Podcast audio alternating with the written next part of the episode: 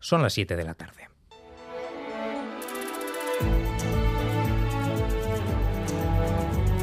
En Radio Euskadi, Gambara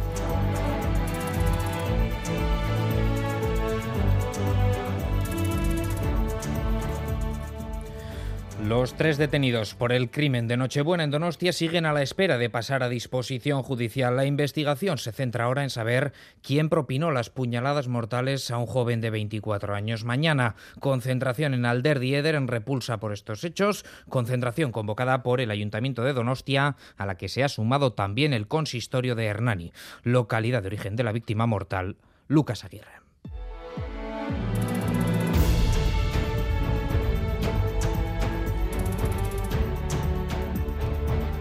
Y en esta gambara plagada de sucesos, como van a comprobar, les damos cuenta del hallazgo en la ría de Bilbao a la altura de Portugalete del cuerpo de una mujer de unos 40 años. Se estudian las circunstancias en las que se han eh, producido estos hechos con todas las líneas de investigación abiertas. Y además en Iruña, 13 personas han tenido que ser trasladadas al hospital a causa de un incendio en una vivienda. También se ha producido este mediodía otro incendio en Bilbao. Una persona ha sido trasladada a un centro hospitalario.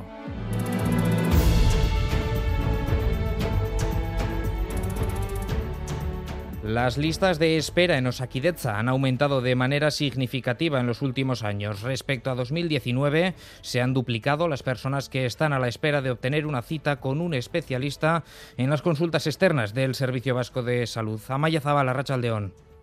Así es, más de 115.000 pacientes están a la espera de obtener una cita con un especialista en las consultas externas de Osakideza, mientras que 53.576, el doble que en 2019, integran las listas de espera para someterse a una prueba diagnóstica. Por territorios, las consultas externas de las OSI vizcaínas tienen a 65.127 ciudadanos a la espera de ser recibidos por un especialista. Las guipuzcoanas a 27.060 y las alavesas a 2035. Datos que hemos conocido en una jornada en la que la tregua en la OSI Aldea ha tocado a su fin. Los jefes de servicios se han vuelto a concentrar esta mañana frente al Hospital Donostia. John Zabaleta ha sido hoy su portavoz. Por nuestra parte, siempre dispuestos al diálogo, estamos esperando los siguientes pasos que dio Saquideta para ver cómo avanzamos en la negociación. Hemos recuperado la foto también para que la ciudadanía sepa que estamos aquí, que estamos luchando por lo mejor para el hospital y para Osaquideta. Estamos todos muy unidos y iremos viendo día a día, según las novedades que veamos por parte de Osaquideta, qué rumbo toman las negociaciones. Y en Madrid, mañana martes, Consejo de Ministros, en el que está previsto que el Gobierno anuncie el paquete de medidas que propone para combatir la inflación y la crisis a partir del próximo 1 de enero. Madrid, Isaro Rachaldeón.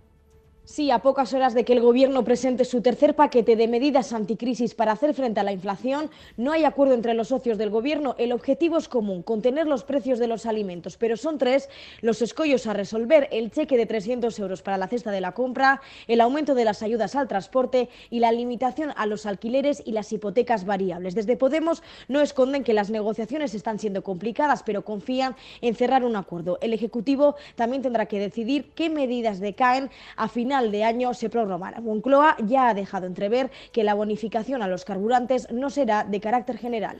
Y la vicelenda Caridoya Mendía pone ya la mirada en la ley vasca de empleo, con la que el Ejecutivo buscará que la formación pase a ser un derecho subjetivo de la ciudadanía. Mendía, por cierto, ha asegurado aquí en Boulevard que con la reforma de la RGI, de la renta de garantía de ingresos, Euskadi se ha convertido en una referencia en Europa. Lo que hacemos con esta ley es poner a Euskadi a la cabeza de Europa. Es decir, Europa ha tenido una serie de debates en los últimos cinco años, diría yo, pero el último ha sido de hace escasamente dos meses, donde nos indica el camino clave para la activación laboral y sobre todo también qué tenemos que hacer con las rentas garantizadas en los países de la Unión Europea. Y Euskadi afortunadamente nos ha cogido en el trámite de elaboración de la ley y hemos podido incorporarnos a la cabeza del mandato europeo. Y en esta gambara vamos a estar también en Bermeo. Allí se van a concentrar a partir de las siete y media de la tarde para apoyar a las víctimas de abusos sexuales del padre Felipe, exdirector del colegio San José de esta localidad costera vizcaína. Nos marchamos hasta la Goico Plaza de Bermeo. Gary Suárez, Arrachaldeón. A Racha León, durante los años 70, el padre Felipe abusó de más de una decena de niños y niñas. En febrero, y a raíz de una investigación de ITV, salieron a la luz los primeros casos de abusos relatados por las propias víctimas. Poco a poco, la lista fue creciendo hasta los 13 casos. Dentro de media hora están convocados los y las bermeotarras para mostrar su rechazo por todo lo acontecido. Y además, las convocantes de la concentración, Italia, Emakume Guillén, Antola Cunde Socialista, denuncian que desde las instituciones no se está haciendo todo lo posible por ayudar a las víctimas. Eh, ven que pues eso, desde las instituciones pues no, no, toman ninguna medida que de verdad vaya a terminar con este tipo de casos y que no, a ellas no se les ha hecho tampoco caso en su día y ahora hoy en día están teniendo ciertas trabas para poder denunciarlo también y bueno pues eh, un poco con ello también pues venimos nosotras a apoyarlas y hacer nosotras también esa crítica de, falta de voluntad que tienen las instituciones pues para hacer frente a estos casos.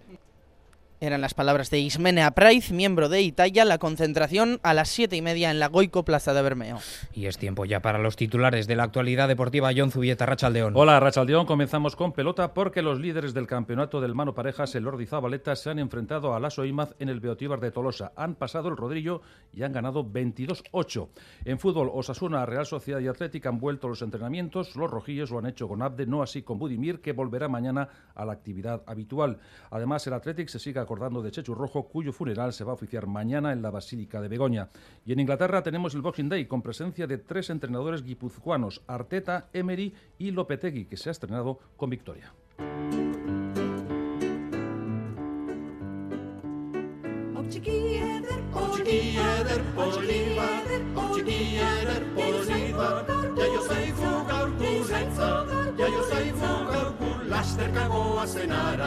En Radio Euskadi hoy nos hemos acercado a conocer cómo viven esta Navidad tan extraña para ellos, los desplazados por la guerra en Ucrania que acogemos aquí en Euskadi. Hoy mismo han celebrado una fiesta de Navidad con los niños ucranianos que están entre nosotros. Olencero y Dedmorod, el olencero ucraniano, han repartido regalos entre los más pequeños para alejarlos por un instante de una guerra que cumple ya 10 meses. Xavi Segovia.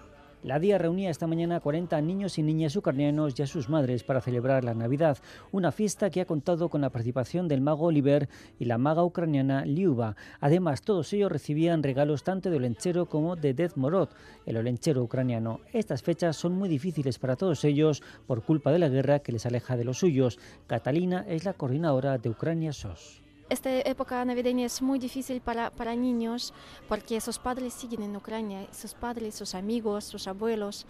Pero aquí hemos organizado esta fiesta para que se sienten acogidos, se sienten en familia, se sienten unidos, apoyados. Les regalamos un poquito de felicidad. Victoria, junto con sus dos hijos, lleva desde abril entre nosotros. Celebrando Navidad, estaban muy felices. Han recibido regalos de Olenchero más de una vez, así que están muy contentos. Estos días no falta el plato típico de la Navidad de Ucrania, el kuchá, un plato que tiene un rito muy interesante. Hay un señal que si comes una cuchara de kuchá en época navideña, todo el año va a ser feliz. Toda comunidad ucraniana hemos pedido un, un deseo. Queremos que se acabe la guerra y disfrutar de la paz. Un deseo que compartimos. Con Miguel Ortiz y Asier Aparición, la técnica comenzamos.